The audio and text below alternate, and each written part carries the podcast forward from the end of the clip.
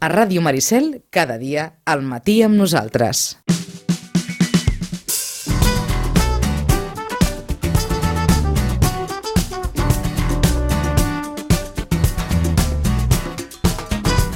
Doncs una hora d'Europa més amb el suport de la representació de la Comissió Europea a Barcelona, l'Oficina del Parlament Europeu a Barcelona, el Centre Europe Direct de la Diputació de Barcelona i l'Ajuntament de Sitges amb la col·laboració d'Eurolocal. Hem saludat amb en Joaquim Millan i a mi m'ha vingut ara una, una pregunta al cap a partir del meu dubte. Si els que tractem de tant en tant informació ja tenim algun petit dubte sobre l'origen del Dia d'Europa, demanar-li a la ciutadania que sàpiga què celebrem, per això ho fem, per això celebrem el Dia d'Europa. En altres coses no, perquè, evidentment, si moltes de les festivitats preguntéssim a l'origen de les mateixes, eh, moltes vegades la majoria de les persones desconeixen eh, el per què celebrem una cosa en una data o en una altra. L'important, com a mínim, és que cada any que arriba es pugui celebrar, es pugui commemorar. En aquest cas, quan parlem del Dia d'Europa, bàsicament eh, ho fem per recordar a la ciutadania doncs, que fa uns quants anys aquí a Europa doncs, a la mínima discrepància eh, traiem les armes al carrer i evidentment això s'ha d'anar recordant perquè quan ara parles amb les, amb les generacions més joves doncs els hi parles d'això i es pensen que els estàs parlant de no sé fa quants anys no? et miren i diuen vostè sí que és gran no? ens explica aquestes coses que perquè ells donen per garantit uns drets, donen per garantit que això de la Unió Europea doncs, veiem per la tele les batalletes d'altres indrets al món, veuen que també està garantit un seguit de coses que moltes vegades no perquè estiguin garantit no s'ha de lluitar per elles, no? i ho hem vist, per exemple, quan aquests darrers anys doncs, amb la crisi financera econòmica ha començat a trontollar aquell estat del benestar o aquell progrés que la Unió Europea també ens garantia, eh, com la gent ens ha posat... Ens pensàvem que ens garantia. Ens, ens garantia fins aleshores, eh, llavors ens hem posat les mans al cap per dir, què, què ha passat? No, no, això Europa no ho garantia, no, no, això d'estar a la Unió Europea ja no ens donava la garantia que això funcionaria per sempre i en tot cas milloraria, no hi haurien retallades i no començaria a escardar-se justament tota una sèrie de, de drets socials que s'han conquerit a base de molts esforços i de molts anys i, i llavors és quan la gent ha començat a reaccionar diu, bueno, escolta, poder això d'Europa eh, eh, ho hem de lluitar una miqueta més no, no, no, no, no sentar-nos i, i ser ciutadans passius, sinó començar a ser també ciutadans actius, també en l'àmbit europeu Doncs eh, per començar a parlar de com celebrem ara perquè, eh, Joaquim, eh, el discurs del Schumann de quin any era? Uh, si no crec que recordar malament, del 1951. 51, clar, mm. del 51 el 86 que va entrar Espanya a la Unió Europea Correcte. Va, va, passar, va ploure molt i del 86 fins avui, ah, que ja han passat una crisi financera... Bastant més, sembla ser, eh? perquè, perquè la vida va més ràpida. Ha tornat a ploure, oi? Mm. Uh, saludem al senyor Octavi de la Varga, mm, que, a part d'haver treballat en diverses ONGs internacionals, actualment és el cap de l'Oficina Estratègica Internacional eh, d'Unió Internacional Unió Europea i Cooperació de la Diputació de Barcelona. Senyor Octavi de la Varga, bon dia. Hola, bon dia. El uh, nom exacte de l'oficina és Europa i Estratègia Internacional. Europa i Estratègia... Eh, ho tinc mal escrit, eh? No, sí, no, culpa meva, culpa meva. No, culpa meva avui... potser perquè abans, com que deia això del tema de les ONGs havia estat portant els temes de cooperació, és per això. Doncs... Tothom es confon amb mi, cap problema. uh, us saludem bàsicament perquè, clar, celebrem ara, ara el Dia d'Europa i ara, i ara comentàvem amb en, amb en Joaquim, jo a l'hora de presentar el programa, encara no ho sentíeu, però jo a l'hora de presentar el programa ja he tingut un dubte, que és exactament... Uh, recordava que celebràvem un discurs i un discurs en el qual es fonamenta després doncs, tota una sèrie de tractats. Però bé, eh, la ciutadania ho sap que celebrem? Doncs, bona pregunta. Nosaltres, els que treballem en temes europeus, creiem que sí, perquè tenim un, entre cometes, un petit problema. Els que treballem en temes europeus ens ho creiem molt, el, el tema europeu. Ens creiem molt, creiem en Europa, amb un model d'Europa on, bueno, on tenim uns llaços comuns i compartim molt més, allà, molt més enllà que un mercat amb altres europeus un, pues, un bagatge cultural, una història, una, una proximitat que segurament amb altres territoris no tenim. I molts cops anem per descomptat que tothom sap que el 9 de maig és el dia d'Europa i que celebrem aquell, aquell dia transcendental, aquell discurs que, doncs, que va capgirar la, la història d'Europa, no? Uh, dit això, jo crec que la gent encara desconeix ben bé què passa el, el 9 de maig, no? I per què, per què aquest dia. I especialment jo crec que últimament amb el, amb el context i els últims anys que ha viscut Europa, no? amb la crisi econòmica, social, financera, on, on s'ha viscut un allunyament per part de la ciutadania de, de tot el que és el referent a Europa, no? que a vegades veu com, com la mare de tots els mals -huh. estem patint. Clar, és que hem passat d'això, de que al 51 l'interès era tirar enrere eh, segles de guerres, uh -huh. i es va aconseguir, òbviament. Eh, al 86 hi havia una eufòria eh, europeista a Espanya, mm, que en, diria que les estadístiques deien que era el país més europeista de, tota, de, de tot el que era la, la, la CE aleshores, i ara no, ara Europa, doncs gairebé pensar en Europa és pensar en aquella malaurada troika. Sí, aquí hi ha un, un tema que és recurrent, una per una part. Jo crec que durant molt temps ens hem entestat en explicar a Europa i les seves institucions i com funciona, uh mhm. -huh. i jo crec que això, i ja sé que quedaré molt malament, però és molt, molt avorrit per un ciutadà. De fet, un, una coneguda també experta en temes europeus deia, bueno, és que aquí tampoc no ens posem a explicar al ciutadà com funciona el Parlament de Catalunya, com funcionen les institucions, tothom les coneix, però no entrem, no? Sempre que parlem d'Europa parlem de les institucions, de el que és una directiva, un reglament, però no del, del valor afegit d'Europa. Ah, jo crec que això i ho, diem i continuem dient i molts cops eh, continuem caient en, en el mateix, no? Doncs, doncs senyor de la... Digue, digueu, acabeu. No, no, i anava a dir l'altra cosa, és que suposo també, i potser aquesta és la meva part més positiva amb tot, amb tot aquest debat i aquesta reflexió, és que, com tot, eh, ens acostumem a tot, no? I en el nostre dia a dia donem per suposades moltes coses eh, que no sabem que venen d'Europa, no? que no som conscients de que si no siguéssim dintre de la Unió Europea no les tindríem. No? Es fan paleses les coses potser negatives, però les positives no. no? Uh, I me'n recordo també, eh, parlaves del, de l'any 86, aquella eufòria just quan s'entrava a, la Unió, a, la, a lo que era la Comunitat Econòmica Europea, uh -huh. però bueno, el 92 també va ser, amb el tractat de Maastricht, era a tota Europa, Europa no era solament a l'estat espanyol, sinó que era a tota Europa, que hi havia, semblava com que ja anàvem a crear els Estats Units d'Europa, no? Hi havia una eufòria generalitzada. I després uh, l'euro també, que va haver un altre moment de dir, ostres, ja compartim moneda, mira que bé, i ha, ha resultat que potser no, no va anar tan bé, oi? No tant, però jo crec que això, que hi ha molts dels temes que els tenim tan en el dia a dia, o sigui, Europa està tan ficada en el dia a dia que no som conscients, no?, de si no hi hagués Europa eh, què passaria o, o com estaríem. També el canvi generacional, no? no són, jo crec que ara més del 50, en el nostre cas, jo crec un 40% segurament, 30 un 40% de la població eh, actualment va néixer després de l'entrada a la Unió Europea, eh, l'any 86. Això també marca, no?, el que ens motivava amb uns o el que en tenien un perquè servia a Europa, segurament per les noves generacions mm, és diferent i tampoc n'han viscut tot aquest període de transició, no? És a dir, per una generació Europa va ser la sortida eh, a, a anys d'autarquia i tancament, però clar, ara Europa està representant una certa, no, no diré autarquia, però sí, un, un, cert, un cert estranyament d'un cinturó que ja no, té, ja no té més forats. Correcte, però al mateix temps oblidem que en, quan parlem, clar, també és molt còmode, no? quan diem Europa, Europa sona com una cosa intangible, no? Uh -huh. és el continent que uh -huh. és Europa. No?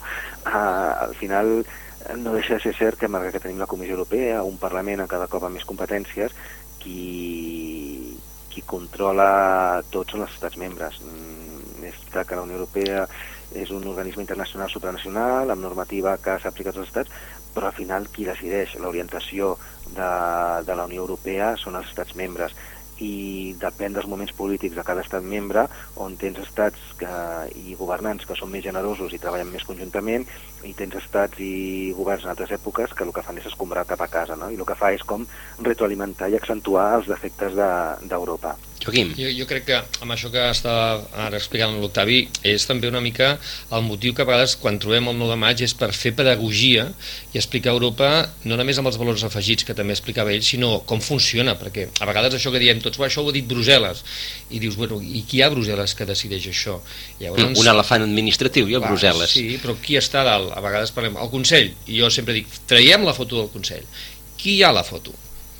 Llavors veiem que, eh, el que deia l'Octavi, no? que quan parlem de Brussel·les, que també queda molt bé a vegades per aquest doble llenguatge polític, no, això, lo dolent sempre ho fa Brussel·les, no? I, i lo bueno, bo aquí també sempre ho faig Madrid, jo, oi, no? Però... Clar, m'entens? Vull dir que sempre eh, el dolent és Brussel·les, que com, que, com deia molt bé l'Octavi, és com una cosa intangible i la gent també es perd, perquè és veritat que això d'explicar Europa no és fàcil, ens, ens perdem els que en sabem, doncs, doncs ja va bé, perquè d'aquesta manera la gent es perd, això és Brussel·les, aquest elefant que tu dius, etc i tal, i, i ja tenim el dolent de la pel·lícula, no? Més que buscar responsables sempre és una mica buscar culpables. I penso que també hem de començar a aprendre que també som nosaltres ciutadans a Europa, no? Vull dir, els ciutadans també som europeus i també hem vist amb la crisi com també podem reivindicar coses, també podem moure'ns a, a favor o en contra d'un tipus de polítiques que es fan a Europa la gràcia d'això és que ja no discutim l'existència del projecte, sinó si ens agrada o no ens agrada aquest projecte, i aquest ha sigut un salt qualitatiu dels últims temps important. No, -hmm. Xavi, com ho veus tu? No, no, totalment, totalment. De fet, òbviament, amb les seves limitacions, hi ha un Parlament Europeu i, i que molts cops pensem no serveix per res, però sí que serveix és el que està, molts cops és el que marca el, o fa de, de, de veu contrària a el que marquen els estats membres, no? i molts cops el Parlament Europeu ha demostrat que té una visió d'Europa i una visió molt diferent del que seria unilateral de cada un dels estats membres. De fet, ara mateix, amb tot el tema del Pla Juncker, eh, el Parlament Europeu s'està plantant i, i pot bloquejar el pressupost, el pressupost de la Comissió Europea si no es prenen en compte el que està plantejant el, el Parlament Europeu. Eh, de fet, eh, això és molt interessant, no? perquè molts cops no pensem bueno, com, què puc aconseguir, no? el meu vot al Parlament Europeu per què serveix, té algun sentit? Doncs sí que pot servir primer per marcar quina línia vols tenir o per fer un marcatge als estats membres en temes, en temes europeus. No? I l'altre també prendre's més seriosament, jo crec que això patim a que, que el que votem quan votem a casa nostra també té un impacte en el que votem a, a, a, a pot tenir un impacte a, a Brussel·les. I, de fet, tornant al que deies el dia, i deia el Quim, no?, del nou d'Europa, jo crec que lo interessant els temes europeus són, van a poc a poc, van calant, és una mica com una, una puja molt fina. Sí que funciona en moments com molt, molt claus, no? que són els que marquen i fan com una embranzida cap endavant, jo crec que mirant anys enrere és molt interessant el del, del 9 de maig, no? perquè el 9 de, 9 de maig va començar amb una cosa molt, molt institucional, molt de les institucions per celebrar Europa i, i que contents estem, uh, això s'ha anat extenent, no? i cada cop més doncs, hi ha municipis, entitats que fan actes eh, recordant el Dia d'Europa, i el més interessant és que ja no és el 9 de maig, jo crec que, el, no sé si veus així també aquí, que és el mes de maig, no, més el, no, no solament el 9, sinó tot el mes de maig, s'ha convertit com el mes d'Europa, no? I, i les institucions, els municipis es mobilitzen per fer activitats vinculades a Europa i sobretot per, per fer-les més properes al ciutadà. No? De fet, a vegades es lliga a l'acabament del mes d'abril, que és un mes també molt cultural, especialment aquí a casa nostra, amb el Sant Jordi, i ja es lliga moltes vegades ja amb el, amb el 9 de maig que també sempre té una vocació de celebrar-se des de la vessant cultural. Aquí Sitges, per exemple, aquest diumenge celebràvem el 17è concert del Dia d'Europa amb joventuts musicals de Sitges, l'Ajuntament, el Consell Acadèmic Europeu, amb el suport justament també de l'Oficina Europe Direct de la Diputació de Barcelona, etc. I ja són 17 anys, no? que al final, quan fas una cosa i ja poses 17 per davant, dius, home, doncs no és una cosa d'un dia per l'altre, no? I el fer-ho també des de la vessant cultural jo crec que també és una manera també de, de, de, de que els ciutadans també se la fan seva no? i jo crec que aquest també és una, una, una avantatge de, de, de, que ha anat canviant i, i cada vegada és menys institucional i poder més ciutadana, no? No el que ens agradaria als europeistes, eh? també s'ha de dir, però cada vegada hi ha mm, sí, més aquest pas. Jo ara us anava a plantejar tots dos, potser. També, també perdona, eh? també jo crec que coincideix amb aquest any en, en particular, eh, cauen males dates aquesta celebració. Justament el, el, el, el segon dia de campanya, sí. Sí, el segon dia de campanya. Demà uh -huh. al vespre comença la campanya electoral. Això llavors, òbviament, condiciona que molts temes que potser actes, com que dèiem, encara que no fossin institucionals, però impulsats per les institucions i pels municipis, doncs perden perfil, no? Pel, perquè estem en campanya, ja en precampanya, aquesta setmana, més de maig, no es poden fer certes coses, llavors això també potser fa que aquest any quedi una mica deslluïda el Dia d'Europa i, tots, i totes les celebracions al llarg del mes, no? Però fins i tot així, jo estava repassant i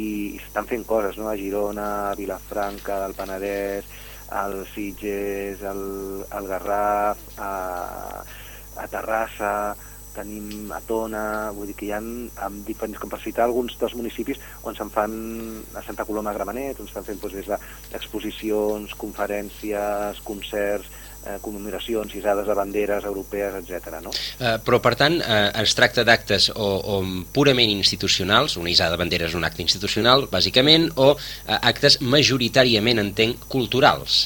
Sí. Eh, actes d'allò de, de difusió, Europa ara ven, explica Europa ven ara?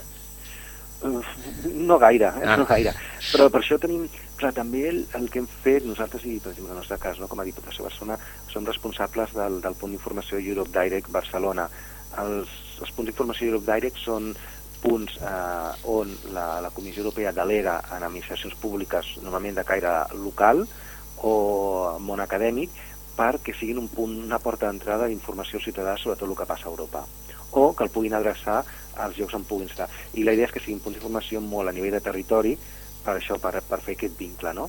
i també el fet que es fa és que no sigui directament la Comissió Europea qui ho gestiona, sinó una administració del territori o una entitat que està al territori per, eh, per evitar aquest efecte de, d'una mica d'espant de, o, o, o de no voler pensar que la Comissió Europea és una cosa molt desconeguda i vaig a l'administració més, més propera. Llavors sí que el que fem també és una tasca d'informació més sobre el que plantejaves, no? de què és Europa, els continguts, quines polítiques, això ho fem al llarg de l'any, no? tots aquests punts d'informació. Hi ha una a Tarragona amb el suport de l'Ajuntament, la Universitat de Girona per Girona, l'Ajuntament de Lleida per, per Lleida, nosaltres Diputació de Barcelona per la demarcació de Barcelona. Llavors sí que aquest dia no ens centrem tant en, en això, en fer xerrades específiques, explicar la política, l'estructura, les institucions, sinó ho volem fer com una cosa festiva, no? I jo crec que també és un tema més de dir, bueno, Europa sembla a vegades una cosa molt farragosa, avorrida, doncs veiem que no, no? com està present i és una manera també diferent no? de, de tensar el ciutadà i potser a partir d'aquí, que aquest ciutadà vingui al concert, que vingui a aquesta exposició, eh, pot anar descobrint coses vinculades a Europa. No? Uh -huh. el, el que passa és que, clar, si aquest ciutadà, a part, doncs, té uns altres ítems que li venen, òbviament, a través dels mitjans de comunicació i fins i tot de la seva pròpia butxaca, eh, relacionades amb polítiques europees, abans ens comentàveu, Europa és un club d'estats, molt bé, que club d'estats el mana algú. Eh, el Parlament Europeu condiciona, però condiciona mm, en certa mesura aquestes, aquestes polítiques europees. Llavors arriba un punt que, que un pot arribar a, a pensar, bueno, sí, però no sé fins a quin punt eh, la, la suma i la resta acaba, acaba sumant. Jo, jo crec que ha l'eurobaròmetre, no sé si Octavi eh, tens informació del darrer, però jo fa tres mesos l'eurobaròmetre deia que l'Eurobaròmetre és com una enquesta a nivell europeu uh -huh. eh? i cada mes se'n fa una amb temes generals i en temes específics segons el moment i és veritat que hi ha com un contrasentit però per la mateixa ciutadania, eh? perquè eh, per una banda la ciutadania és molt crítica, això que deies tu, a certes polítiques que es fan en nom de la Unió Europea o que provenen de decisions que es prenen a Brussel·les, sigui pels estats o per qui sigui, però que es prenen a Brussel·les i per tant van cap a baix, la gent té aquesta percepció negativa d'aquestes de, de decisions, a vegades perquè tampoc se fa pedagogia, eh? perquè vull dir, ràpidament una cosa que no ens agrada ja ha de, ha de ser negatiu sempre, no? que no és així a vegades, no? Però, per altra banda, quan els hi preguntes, segueixen pensant que l'estructura europea, que les institucions europees, que Brussel·les, amb aquest entramat que tu deies, segueixen important que existeixi. És a dir, una mica de no m'agrada el que decideixen, però segueixo pensant que és important que segueixi existint Brussel·les tal com la coneixem, amb les millores que siguin, perquè és important pel ciutadà. És com una mica un contrasentit, però és així. O sigui, ha deixat de ser sexy, com deia una amiga nostra, la Carme Colomina, periodista, eh, Octavi, sí. diu Europa ha deixat de ser sexy, però la gent intueix que segueix sent important. No? i per tant mm, bueno, tenim aquestes percepcions no? contradictòries si pots, si pots uh, dir-ho d'aquesta manera no? Mm -hmm. I després també jo crec que al final és molt, jo crec que a nivell de, del dia a dia amb el, amb el ciutadà és anar explicant coses molt concretes, no? Per exemple, nosaltres tenim una iniciativa eh, amb el suport del Consell Català del Moviment Europeu, que és Europa als instituts, doncs fem xerrades als instituts, a la gent jove, amb temes de molt concreta que significa Europa, no? Què és Europa? Doncs parlant de la mobilitat estudiantil, eh, mobilitat laboral, Uh, tenim també el concurs de contes breus sobre Europa, que justament ara està oberta la convocatòria, on el que fem és una mica fer reflexionar sobre què aporta Europa i els seus valors. No?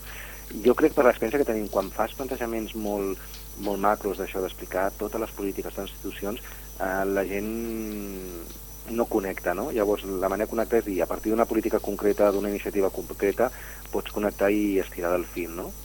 I, i el fet també és que ara, el que us deia abans, jo crec eh, hi ha molts, molts elements, molts temes, que és que ja no pots separar la, la política europea de la política catalana, la política estatal, de, perquè té, té un impacte directe. No? Per exemple, parlem d'eficiència energètica. Tot el que està fent, el, estan fent els municipis catalans en renovació d'edificis de, públics per millorar l'eficiència energètica, això ve d'una iniciativa europea eh, que es diu el Pacte d'Alcaldes, i com tots els alcaldes europeus s'estan mobilitzant per donar resposta mm, al, als temes energètics i eficiència energètica eh, que, té, que té Europa quan, per exemple, els estats membres no estan a vegades donant respostes. No? Llavors, coses com molt puntuals i visibilitzar-les, i mira, és que en el teu dia a dia a tot això ve, ve d'Europa, no? i no tot és dolent. Doncs eh, amb aquest optimisme entenem que des de les institucions s'ha de donar aquesta, eh, aquesta visió optimista, perquè doncs, eh, moltes vegades els ciutadans també te, poden tenir una, una, una percepció més, més negativa i més, sí, els hi han, repetim, doncs, tocat eh, la, manera, la, la manera de viure i més després d'aquests darrers anys. Eh, senyor Octavi de la Varga, eh, responsable de l'oficina de la Unió Europea de la Diputació, ho hem dit bé ara?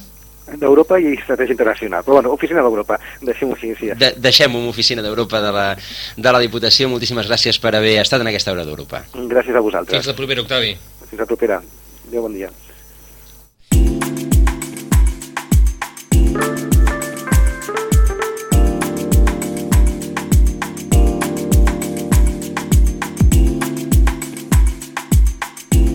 Doncs tenim, Joaquim, aquí doncs, aquestes dues vessants. Per una banda, doncs, eh, la vessant més institucional, eh, anava a dir més bonomia, tot plegat, i doncs, la vessant probablement més ciutadania, més crítica sobre, sobre el que eh, ens està eh, representant en el nostre dia a dia a la Unió Europea. A més, és bo, que la és bo que la ciutadania sigui crítica també en el projecte europeu, perquè quan tu critiques una cosa és perquè per tu és important. Si una cosa no és important, ni tan sols pesa el temps amb la crítica. Per tant, en la mesura que la gent també es comença a donar compte de que Europa és important, doncs també eh, reivindica, critica, diu allò que no li agrada, etc. I per tant, per mi és important. Jo me'n recordo una anècdota de, de, de, de quan el Tarradellas va arribar a Palau de la Generalitat i va haver-hi la primera manifestació, no? I el van anar a avisar, diu, escolta'm, hi ha una manifestació ara al Passa Sant Jaume, què fem, què fem, què fem? Diu, no, deixa'ls que cridin, si venen aquí a cridar és que pensen que manem molt, no? En aquella època, no? Vol dir que, clar, quan tu vas a criticar un lloc, vas a manifestar-se, eh, realment és que estàs donant importància a l'altra banda i, per tant, jo per mi és important que la ciutadania hagi percebut que, que Europa existia, que Europa eh, pren decisions molt importants. Mm, bàsicament, el 80% de les decisions que s'acaben prenent després, inclús en un ajuntament com, per exemple, Sitges, mm. ve directe o indirectament eh, de decisions preses a, a, a nivell europeu, no? Sí, però Joaquim, m'has posat en safata. Eh, sí, sí. La, la plaça de Sant Jaume la tenim a 30 minuts en tren i Brussel·les sí, sí Eh, una, una estoneta més. Bueno, depèn. Tens una oficina, justament, eh, abans, eh, inclús... Ai, pots... ningú, ningú es manifestarà davant de l'oficina. Sí, sí, hi ha hagut manifestacions a l'oficina del Parlament Europeu i de la Comissió Europea, justament al Passeig de Gràcia, davant de la Pedrera, que hi ha una bandera europea, mm. i a, a vegades molta gent, per no anar a Brussel·les a manifestar-se, es manifesten allà, i moltes vegades veus policia i dius, això és que deu haver-hi alguna manifestació a les 12... L'impacte mediàtic deu ser bastant inferior. Eh? Segurament, segurament, no? però que vull dir que manifestacions han hagut. No? Uh mhm. -huh. I el que deies tu, eh, a més per acabar, és veritat, hi ha sempre un contrasentit entre la percepció i la realitat. Mm? Però tu saps que a vegades, normalment, la percepció ciutadana s'acaba imposant a la realitat de les coses. Mm -hmm. Uh, Octavi de la Varga abans ens comentava, estem esperant poder contactar amb Xavier Ferrer, Val. Uh, Octavi de la Varga abans ens comentava això del club d'estats, uh, sí. que, es, que, que es parla força. Clar, és un club d'estats però on hi ha estats que manen més que els altres. Bueno, això és com també una, una empresa on hi ha molts socis i hi ha uns socis que manen més que els altres uh -huh. i inclús a vegades encara que tinguin les, les mateixes accions. I tu em diràs, per què? Però si la de veritat eh, tens tantes accions com aquell o com l'altre. Bueno, doncs que aquell justament és una persona que ve d'aquí, d'allà, etc. Vull dir que en, en aquest cas, eh, quan parlem d'Europa, també sabem que no és el mateix eh, Luxemburg que Malta i eh, per parlar de dos de, països petits, petits sí. i que no és el mateix doncs, Polònia que Alemanya eh? també per parlar amb dos països eh, tant amb territori com amb habitants important això és així i també és veritat que els països tenen o menys tenen més o menys intensitat de poder o, o moment donat, de la percepció que a vegades també pots tenir, no? que a vegades, per exemple, es té la percepció que Alemanya mana molt i que a vegades quan hi faig preguntes dic, bueno, aviam, qui mana a Brussel·les perquè em diguin exactament pues, que ara ja no és a, a, el senyor Barroso i senyor, és el senyor Juncker el que és president de la Comissió Europea i sempre hi ha la resposta fàcil, bueno, al cap i a la fi la que mana és la Merkel, no?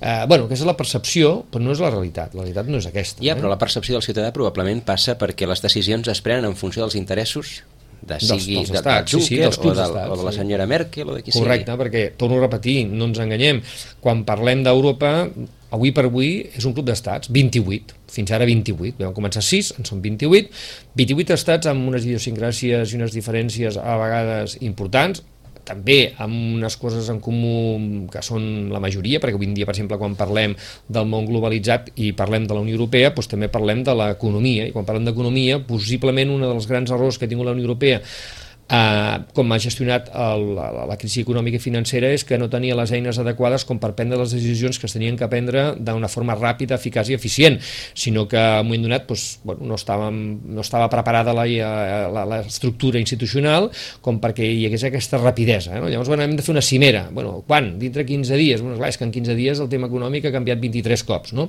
Per tant, vol dir que també amb la crisi econòmica i financera hem après, ara amb l'àmbit econòmic i financer tenim més Europa, vol dir que hi ha moltes més decisions que s'han delegat eh, dels estats cap a les estructures europees perquè s'han donat compte que a vegades eh, no és només la decisió que s'ha de prendre, sinó en el temps que s'ha de prendre, no? i amb el tema econòmic eh, és encara més evident. No?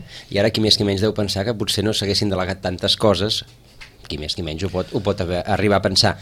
Saludem Xavier Ferrer, el, que és eh, president del Consell Català del Moviment Europeu i també president de la Comissió de la Unió Europea del Col·legi d'Economistes de Catalunya. Per tant, un economista que ens anirà molt bé també per aquesta, per aquesta relació en, amb la percepció que té el ciutadà sobre si la Unió Europea va bé o no va bé. Celebrem el Dia d'Europa. Xavier Ferrer, bon dia. Ja. Um, estàvem aquí, doncs, anava a dir parlant del temps, eh? Uh, del temps europeu. Sí, sí, sí. Uh, en relació a la celebració del Dia d'Europa, bàsicament la pregunta és molt clara. Fins a quin punt estem per celebrar res? I tant que estem per celebrar. Eh, celebrar en general sempre és bo. Eh? Eh, I és veritat que en l'àmbit europeu eh, s'ha entrat amb una certa, diguem, depressió o, o crític o qüestionament de lo que és la Unió Europea, però ho hem de veure en perspectiva. Eh, podem entrar després amb el detall dels reptes que té o els problemes que hi ha, però m'agradaria, ja que demà passat, o el dia 9 és el dia d'Europa, doncs eh, dir que la Unió Europea és una història d'èxit. Història d'èxit perquè, bàsicament perquè ha canviat un escenari des de fa 60 anys que eh, d'una Europa devastada per les guerres i els conflictes interns entre les potències principals europees, doncs s'ha passat amb una Europa, ara ja de 28 estats, que soluciona les seves dinàmiques, els seus conflictes i les seves eh, problemàtiques a través del consens i del diàleg, i això és sensacional, no havia passat mai a la història. Per això sol, que garantitza la pau i la democràcia, doncs ja val la pena, i una mica per acabar aquesta, diguem, introducció, aquesta visió positiva, és que mm, hi ha molts estats que hi volen entrar uh mhm. -huh. a la Unió Europea, tot i els problemes que hi puguin haver, que en podem parlar si voleu, i no hi ha cap que en vulgui sortir. Uh, fins, fins a quin punt aquesta Unió Europea, que va néixer inicialment, inicialment del tot, per, per superar una Europa devastada, uh, necessita una actualització? O fins a quin punt doncs, aquests principis primigenis del discurs, on parlàvem uh, inicialment del discurs de, de Schumann, uh, uh, es, es poden mantenir, o fins i tot els, els estats, els mateixos estats, o la mateixa Unió Europea és conscient d'aquests principis? Bueno, els principis i els valors de la Unió Europea, si els llegim i estan escrits, doncs eh, per si sol doncs, ja són, ja són eh, importants i no hi estan en altres àrees econòmiques i polítiques del món. O sigui, per dir una, per un exemple, els Estats Units o la Xina o Rússia no podrien ser membres de la Unió Europea perquè tenen la pena de mort i altres lleis dintre del seu ordenament jurídic, cosa que, per ser membre de la Unió Europea, això és incompatible. Amb la qual aquests principis de pau, solució pacífica dels conflictes, solidaritat, democràcia, val la pena preservar-los, només eh, per això. Llavors, què passa? Eh, estem parlant de fa 60 anys, quan es comença a fer aquests passos, primers sis estats d'unió econòmica, perquè la política semblava massa complex en aquell moment, que sortíem o se sortia a l'Europa més central, els sis estats, d'un conflicte important, però eh, paral·lelament eh, es va iniciant eh, aquesta, diguem, aproximació política també i de, i de lleis entre els estats membres que també van augmentant, però també hem de tenir en compte que la societat va evolucionant tenim altres aspectes en el món, no només en europeu, sinó que és una cosa molt important que, que ha afectat i que ens afecta, que és la globalització. Eh? Això es donaria per un debat, però tots entenem el que vol dir, que vol dir la internacionalització de tot, de la informació, de les transaccions econòmiques, tot això, i, i, i en definitiva de la forma de viure de la gent. Eh, si nosaltres pensem com vivim avui, amb els mòbils i amb les noves tecnologies, eh, no sé, fa 25 anys internet era un desconegut, no? Per tant, tot això fa que se generi un escenari nou que eh, és veritat que la societat i a vegades també l'economia van per davant de la política perquè és més complex adaptar-se. I aquest és l'esforç que ha de fer la Unió Europea, adaptar-se en els nous temps, però preservant aquests valors que he dit abans, perquè són bons per la societat i són bons pel món, també. Voleu dir que la Unió Europea no s'està ja adaptant i, diguem, eh, a la baixa en drets de tots? bueno, hi ha un procés, naturalment, com parlem d'adaptar-se, i això ens se sap molt dintre de lo que és de la Unió Europea i els 28 estats que en formen part, quan, quan la, els temes se resolen per consens i no per conflicte o per guerres, doncs és molt més difícil trobar solucions. I en una Unió Europea de 28 estats eh, tan diferents des del punt de vista cultural, i també de capacitat econòmica i, i molt important, d'interessos estratègics i polítics, no d'ara, sinó de temps ja, doncs fa que, que els acords siguin molt complexos. I això, amb una situació de, de, de benestar econòmic, com podríem dir estàvem fa 10 anys o així, doncs, o de creixement econòmic, doncs tot és més fàcil. Quan ve la crisi, eh, i resulta que hi ha alguns estats o zones d'Europa amb problemes, a vegades també per mala gestió primera, però és igual, amb problemes reals, com ara pot tenir Grècia o els estats que s'han hagut de rescatar, en Portugal, Irlanda o la pròpia, del propi estat espanyol, doncs eh, genera molta problemàtica perquè, per entendre'ns, és gestionar recursos escassos amb una situació que algú hi surt perdent, que hi és aquesta part de la societat. Llavors, aquí és allà on t'intervé i allà on hauria d'haver-hi eh, aquests, eh, la, la força dels valors de la Unió Europea, que és la solidaritat i, diguem, la tolerància, no? I, tot, I aquesta solidaritat hauria de servir perquè els estats que d'alguna forma tiren del carro i han, tenen més capacitat econòmica tinguin aquest plus de solidaritat i ajudin en els altres. Bé, és cert que... Ha existit aquesta planteja... solidaritat, senyor Ferrer? Quan, en, no, deixi'm acabar, deixi'm acabar.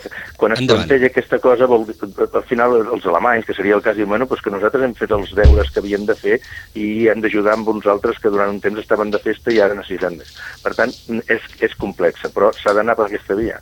Per, per, per, per enfocar el tema de Grècia, que no sé si després...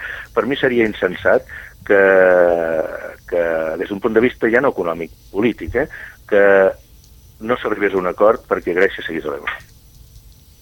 D'acord. Però en qualsevol cas, eh, aquesta, aquest concepte de solidaritat que doncs, probablement s'hauria d'aplicar a nivell d'estats, és, és que és difícil fins i tot demanar-li a nivell de ciutadans, de particulars, que siguin solidaris amb, amb ciutadans d'altres parts d'Europa. Eh, tenint en compte doncs, que tots aquí ens hem, qui més qui menys estrenyut el cinturó. I aleshores dir-li, no, no, és que hem de ser encara més solidaris. I al final sí. un acaba tenint la percepció de que en altres llocs, i probablement, probablement tothom s'ha estrenyut el cinturó, però al final la percepció, que és el que mana per sobre de la, de la realitat, eh, dona la sensació de que millor els alemanys estan, estan, estan molt bé, i probablement no ho estan, eh? però la percepció és aquesta. Sí, sí, bueno, a veure, jo crec que que no s'està massa lluny d'aquest concepte de solidaritat en l'àmbit de la Unió Europea. Hem uh -huh. de mhm. tenir en compte que, que la Unió Europea és la, la zona. Si sumem el que porta a la Unió Europea i els estats membres i les eh, regions o comunitats o, en fi, i fins i tot els municipis en la cooperació internacional és de llarg molt més que el que porta Estats Units o la Xina o qualsevol altra àrea important del planeta. Per tant, el concepte de solidaritat està intrínsecament dintre de la societat eh, i de la gestió política del, de, dels europeus. El que passa és que ara tenim un problema, tenim un problema que és la crisi econòmica I això ha trasbalsat tots els esquemes i és més fàcil fer solidaritat des d'un punt de vista conceptual com més o menys tothom viu bé que no pas quan hi ha un sector de gent que eh, té dificultats no? i es plantegen aquestes, aquestes línies vermelles de dir per què hem de fer solidaritat exterior si resulta que aquí també també tenim problemes. I això és un, una, una arma perillosíssima en favor del populisme i de caminar cap a les, eh, els nacionalismes estatals, perquè quan, el, quan algú té problemes, això si ho passem en àmbit familiar o individual, hi ha una tendència a tancar-se sobre el propi... per sentir-se més segur. I aquest seria el gran error, eh, la meva manera de veure-ho, perquè el món no va per aquí, va cada vegada amb àrees més grans i hem d'evitar tancar-nos i anar cap a la Unió Econòmica, que ja s'hi va, eh? i també la Unió Política, que serà més complexa, però que, que per mi és imprescindible. La Unió, ja que parlem amb un economista, la Unió Econòmica ha estat positiva? La Unió Econòmica, eh, el problema d'Europa, en general, fem, deixem, permetem fer una prèvia uh -huh. de la Unió Europea, com he dit abans, com que tot es va construint per consens eh, i per acords entre, entre estats, com va néixer la, i ara se n'ha parlat molt d'això, l'euro, la, la, la, la moneda única, no es va fer, es va fer una política, diguem, monetària, però no es van fer el que s'hauria d'haver fet, que era controls de fiscals, de pressupost i pressupostaris, de, i fins i tot el que ara s'ha fet de la Unió Bancària dintre de l'àrea euro, perquè es pensava, es va obviar perquè era massa problemàtic afectar que els països que s'apuntaven a l'euro, doncs a més a més també eh, donguessin mm, el control o cedissin el control del, del dèficit en general i del deute i del, i del, i del control pressupostari dels pressupostos estatals. Es va considerar que ja iria bé que la pròpia dinàmica d'una moneda única en diferents estats generaria eh, el propi mercat que una, una, una, una més igualtat entre les àrees econòmiques del, de la zona euro. I això no ha sigut així. Resulta que s'ha potenciat més econòmicament les zones que ja eren més riques i les que eren més pobres doncs han quedat més pobres. Això ha quedat molt més evident amb la crisi. I a més, i a més hi, hi havia els subsidis que, que venien, els plans, els, els plans europeus que, que ens arribaven aquí. En l'àmbit espanyol, sí, ah, clar, és que s'està acabant. Uh, I ara s'ha hagut de fer el que no s'havia fet fa 10 anys, que és aquests controls diguem, pressupostaris i fiscals i la unió bancària, que això vol dir que anem dintre del que és la zona euro cap a una, una política econòmica i monetària comuna, aquest seria l'exemple de, de la construcció europea. La, la, sempre donem passos importants a, quan, a partir de crisis. Oh, tant. No eh. som capaços de, de preveure el que pot passar i avançar-nos, sinó que ho, hem, ho fem... L'exemple seria ara amb la immigració, hi ha hagut d'haver molts morts en la Mediterrània perquè la Unió Europea al final des de Brussel·les es faci alguna cosa. I al final no sé com acabarà, però hauria d'acabar amb una política d'immigració comuna.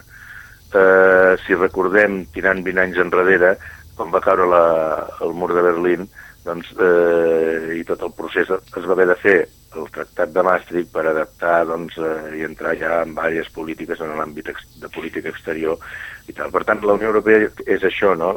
Creix a base de i, i, i es fa integració a base de crisi i ara toca la integració econòmica. Però la que és més important, la meva manera de veure-ho, i el món no para i corre i, i no ens espera, és que hem de fer passos cap a la integració política, que és molt més complexa. I també, com parlo de política, parlo de de defensa o militar. Uh -huh.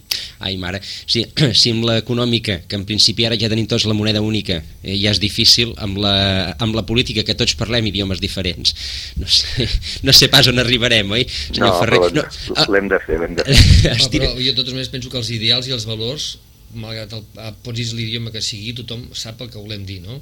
Jo crec que per això també som reconeguts fora de la Unió Europea. Sí, sí, però a vegades no ens entenem i no ens entenem per què, perquè no volem entendre'ns. Ah, això també, sí, oi? és veritat. no, i també, i també jo i també perquè les problemàtiques puntuals de cada zona eh, són diferents. Jo, el Joaquim ho sap, eh, vaig estar fa 10 dies a Riga, pel Consell Català del Moviment Europeu, a Letònia, en el, en el Moviment Europeu Internacional, a, a la convenció anual, i una mica per fer un... Ràpidament, senyor Ferrer, que tenim un minut. No, doncs, doncs eh, els països bàltics uh -huh. tenen uns problemes que no tenim nosaltres. La pressió de Rússia, la, la situació d'Ucrània, tot això els hi fa por. I la Mediterrània no els hi preocupa gens. M'enteneu? O sigui que, que, que és tan gran la Unió Europea que també tothom té tendència a mirar els problemes que li afecten. Per això també és problemàtic fer polítiques comunes que vagin bé a tothom. Doncs Xavier Fer eh, Ferrer, president del Consell Català del Moviment Europeu, continuaríem estirant del fil, però hem arribat a, al final del programa molt agraïts d'haver-lo tingut aquí. Moltes gràcies, Xavier. Ens veiem dins d'una estona. Molt bé, records. I eh, també saludem en Joaquim Millan. Feliç dia d'Europa. Moltes gràcies. Aquest dissabte celebrar-ho. doncs aquest dissabte celebrar-ho amb, eh, doncs, amb la col·laboració d'Eurolocal i doncs, el suport de eh, tothom a aquesta Hora d'Europa eh, a Ràdio Marissa. Nosaltres ho deixem aquí, 5 minuts, notícies amb la xarxa i més coses. Fins ara. A Ràdio Maricel, cada dia, al matí amb nosaltres.